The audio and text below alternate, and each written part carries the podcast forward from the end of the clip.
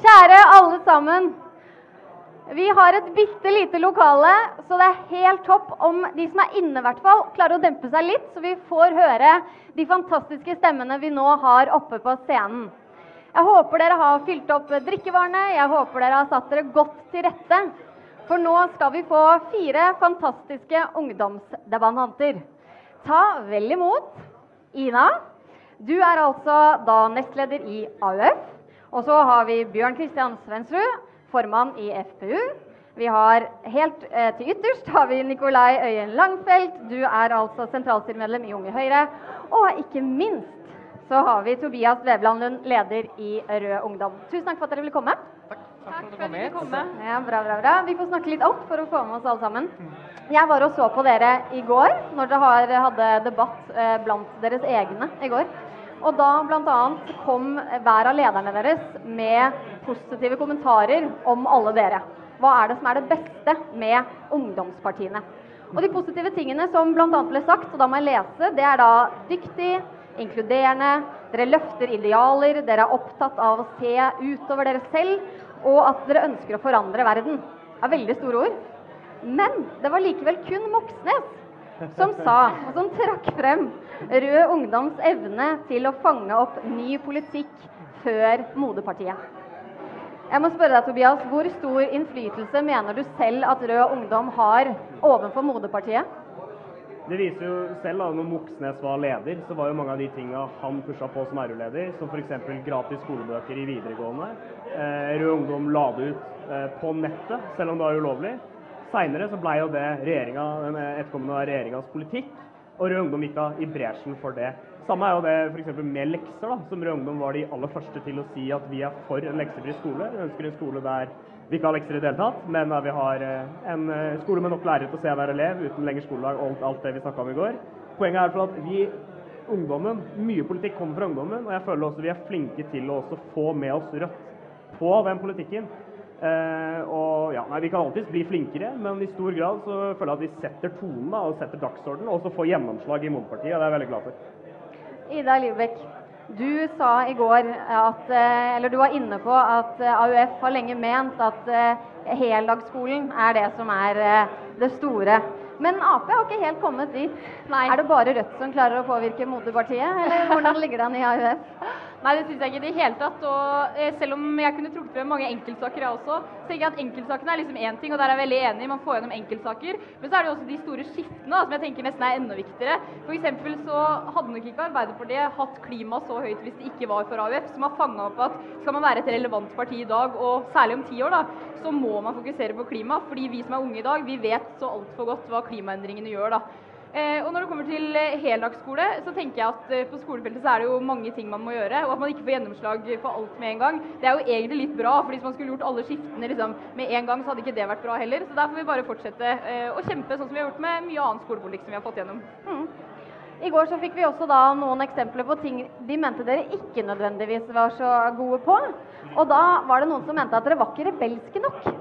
Har ikke det på en måte egentlig vært oppgaven Nei, til deg. ungdomspartiet? Det var deg, det. Si, sa nå ikke det? Gjorde hun det nå? Nei, men jeg spør deg likevel. Om vi er rebelske nok? Er du rebelsk nok? Nei, vi er vel kanskje ikke det.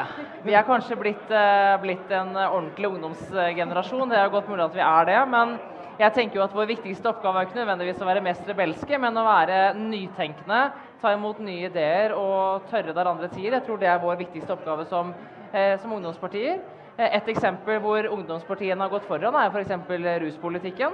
eh, Hvor man ser et ganske stort skifte i norsk politikk nå, også blant moderpartiene våre. hvor jeg tror det er nesten helt samla panel blant ungdomspartiene sånn cirka i hvert fall, på at man trenger en rusreform, avkriminalisering og noen også får en legalisering. Og uavhengig av hvor man står i den debatten, så er det fortsatt en mye mer liberaliserende linje enn hva moderpartiene våre har, har ment. Og nå ser vi jo en, eh, en endring gjennom at det skal bli en, en rusreform bl.a. Og det er klart at det tror ikke jeg hadde skjedd hvis ikke det hadde vært for at moderpartiene hadde pushet det gjennom. Men Høyre, Unge Høyre har dratt det enda lenger og vil legalisere hasj. Ja, endelig. Det mener vi òg. Ja, men ok, bra, bra. Men kommer Erna til å gå for det samme når hun skal eh, inn i ny eh, runde i Ja. 2021? Det blir jo på en måte neste del av jobben vår. da. Eh, Det har tatt eh, veldig lang tid å få et skifte i, bare i Unge Høyre. Eh, men jeg tror litt av eh, der man liksom ser de virkelig store skiftene, der hvor liksom ungdomspolitikere spesielt har mye å si, det er bl.a. i lokale saker.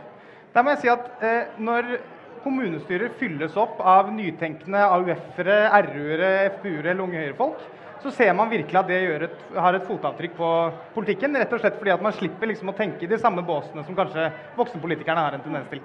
Så du mener at dere har reell makt eller innflytelse overfor moderpartiet? Ja, altså jeg tror eh, Det er ingen av oss som hadde giddet å legge ned så mye tid på dette her. Det er ikke bare for å drikke øl på Arendalsuka, liksom.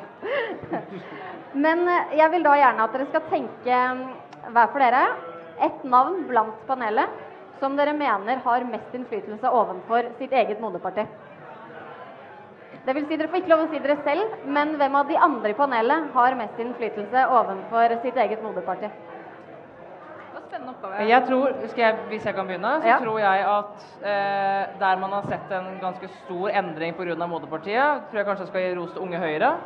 Eh, hvordan man har kjempa gjennom eh, biotek i, hos, eh, hos Høyre, og hvor man så at ledelsen gikk på et eh, nederlag, hvis jeg husker riktig. Ja, ja, ja. Hvor Unge Høyre fikk gjennomslag. Det tror ikke jeg hadde skjedd hvis ikke det hadde vært for at Unge Høyre kom etter FPU da, og mente det samme. For vi har jo ment en stund noe av det dere har vedtatt. Men, men det er klart at eh, det er noe som jeg har sett på og tenkt at jøss, det var, var godt jobba. Er du enig i det at det var, en god, det var et godt navn? At det var godt jobba? Ja.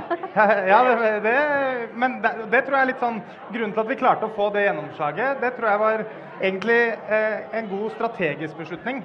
Fordi i hvert fall så lenge jeg har vært med i Ung Høyre, så har gen- og bioteknologi liksom stått veldig høyt på dagsordenen i omtrent alle debatter vi har hatt internt. Og det har vært veldig stor spredning i hva folk mener. Det er alt fra de som eh, eh, syns at eh, kanskje abortloven er for eh, liberal, til de som syns at eh, man burde åpne for abort liksom frem til 20. uke osv. Så, videre. så eh, der tror jeg rett og slett at det går på at, at man, har hatt, man har gjort klare prioriteringer tidlig om at eh, dette her er et flertall i Unge Høyre som vil. Ikke hele organisasjonen, men så søker man flertall eh, oppover i partiet rett og slett av også litt strategiske grunner, tror jeg. Og hvem mener du av de andre har mest innflytelse? Nei, altså Det er ikke meningen å stille dere opp mot hverandre, altså, men det er et ganske interessant spørsmål. Men eh, jeg syns jo jeg, jeg synes at Ina og eh, fortjener ros for den jobben de f.eks. har gjort på Lofoten, Vesterålen og Senja. Eh, det er klart at jeg tror, eh, jeg tror ikke hun var eh, kjempefornøyd nødvendigvis med hva som ble resultatet på det landsmøtet, men i hvert fall eh, sørget for en god bevegelse i Arbeiderpartiet, som egentlig AUF fortjener mye ros for. Er det på vei til å snu nå, Ina? Hva sa du? Er det på vei til å snu nå i Ap Ja, det altså Der tror jeg virkelig at vi kommer til å få et flertall nå. Og det er, det, det er kjempebra, og det trengs også at man får en eh, enda bedre klimapolitikk. Skal jeg også velge en? Ja, du må det. Ja, ja jeg velger nok ikke helt Altså, jeg syns egentlig liksom alle gjør en god jobb opp mot uh, moderpartiene, altså, men, uh, men det handler jo litt om hva slags kamper man tar også.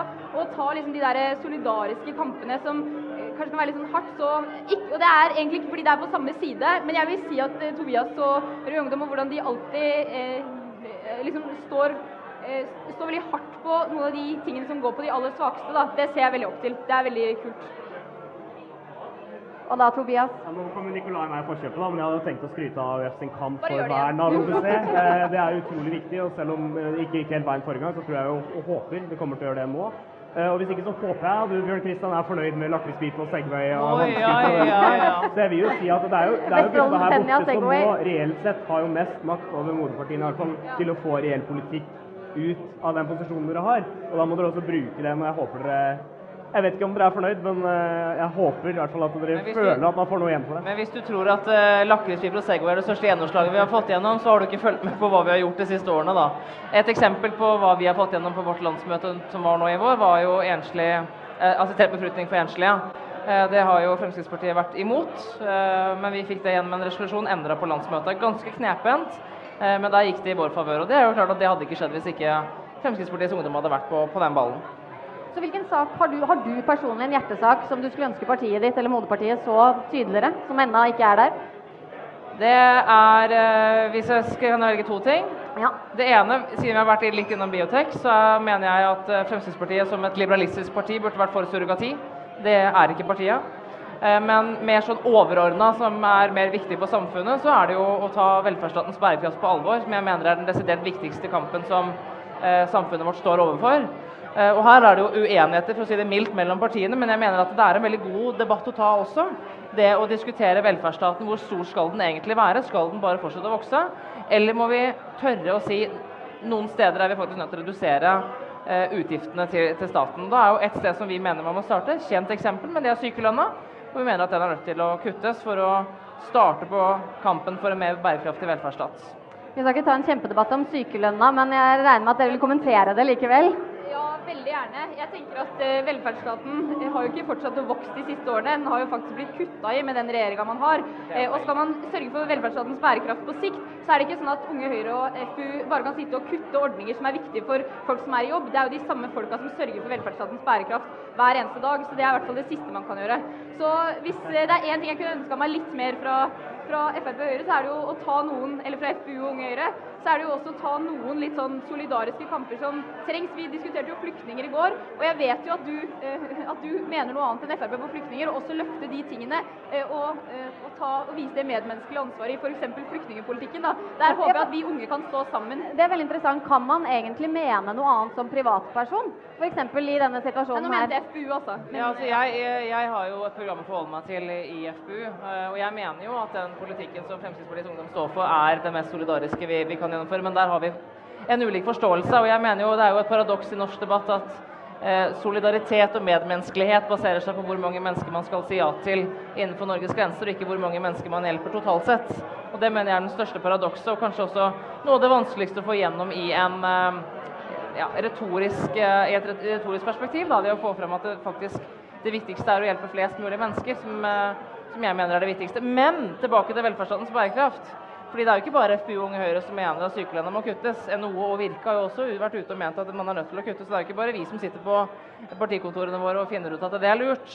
Eh, men det som hadde vært litt gøy, det er jo hvis eh, venstresida blir med på utfordringen om å finne et eller annet sted hvor man faktisk kan kutte i velferdsstatens utgifter.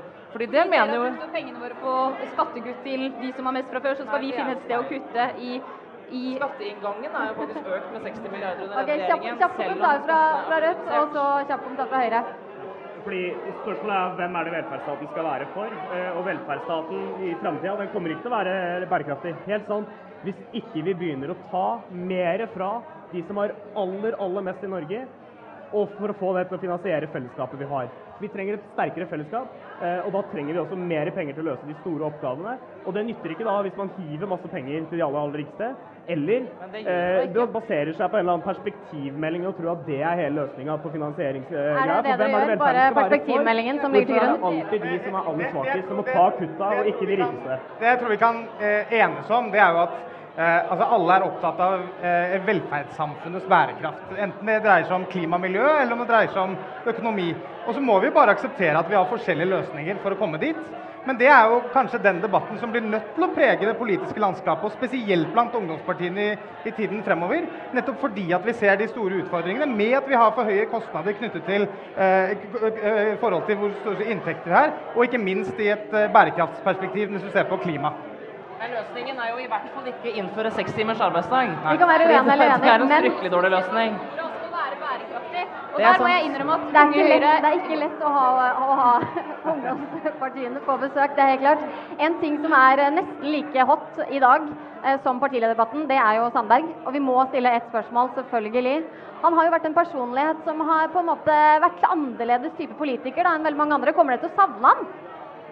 Opposisjonen, Kommer opposisjonen til å savne Sandberg? Om jeg kommer til å savne han? Er det det du spør om? Jeg spør det. Ja, altså jeg tror man må skille litt på det å ha en fargerik personlighet, som er kjempebra, og jo flere forskjellige mennesker som er representert i politikken, jo bedre. Men å gjøre ting som går utover på tilliten, går utover tilliten med de folka som faktisk har valgt deg, og at du ikke eh, sørger for sikkerhet, at du ikke oppfyller de kravene som er ved å være statsråd. Og Det er to forskjellige ting. Og Der tenker jeg at eh, nå må man begynne å vise litt handlekraft i regjeringa. Eh, det er en, et gjengangstema nå at Frp-statsråder oppfører seg på en måte som ikke er innafor den tilliten de har fått, eh, og at de må gå. Og Da er det på tide å sette en klare grensevis og handlekraft på det. Hva godtar, vi? Hva godtar vi? Hvordan godtar vi at man snakker om mennesker? Eh, hvordan godtar man at man oppfører seg som statsråd? Det er statsministerens ansvar, og eh, det ansvaret må man begynne å ta på en bedre måte. I selve partiet. Kommer han til å bli savna? Ja. Han kommer til å fylle, altså, det kommer til å bli et tomrom etter Per Sandberg, fordi han har vært en veldig viktig person for Fremskrittspartiet gjennom ja, det er vel over 20 år. Eh, han har vært en person som har vært viktig for regjeringssamarbeidet. Han har vært en person som har vært viktig for samarbeidet mellom Høyre og Fremskrittspartiet. Og også etter at Venstre gikk inn i regjering, så har han vært en, eh, en viktig støttespiller for, eh, for samarbeidet. Og så er det klart at han har aldri vært redd for å si hva han mener. Og det mener jeg er en god egenskap som politiker. Det at man tør å si sin egen mening. Men jeg er ikke enig i alt Ina sier her. Men, men dette med sikkerhet, der er vi enige at det er utrolig viktig. Eh, Og det å ta sikkerheten på alvor, og at man skal følge de sikkerhetsrutinene som PST og regjeringen ellers legger opp til, er jo utrolig viktig. Eh, Så det, det skulle han ha gjort, og jeg er glad for at han eh, Eller jeg mener at det var en riktig avgjørelse å trekke seg, etter, altså sånn som situasjonen ble. Men jeg syns det er trist på mange måter, og han kommer nok til å bli savna, og det er et tomrom som skal fylles. Nå får jeg lapp på at tiden er ute. Det er alltid sånn med dere. Det blir liksom så engasjerende og gøy. Tusen takk for at dere kom. God applaus til ungdomspolitikerne. Thank you.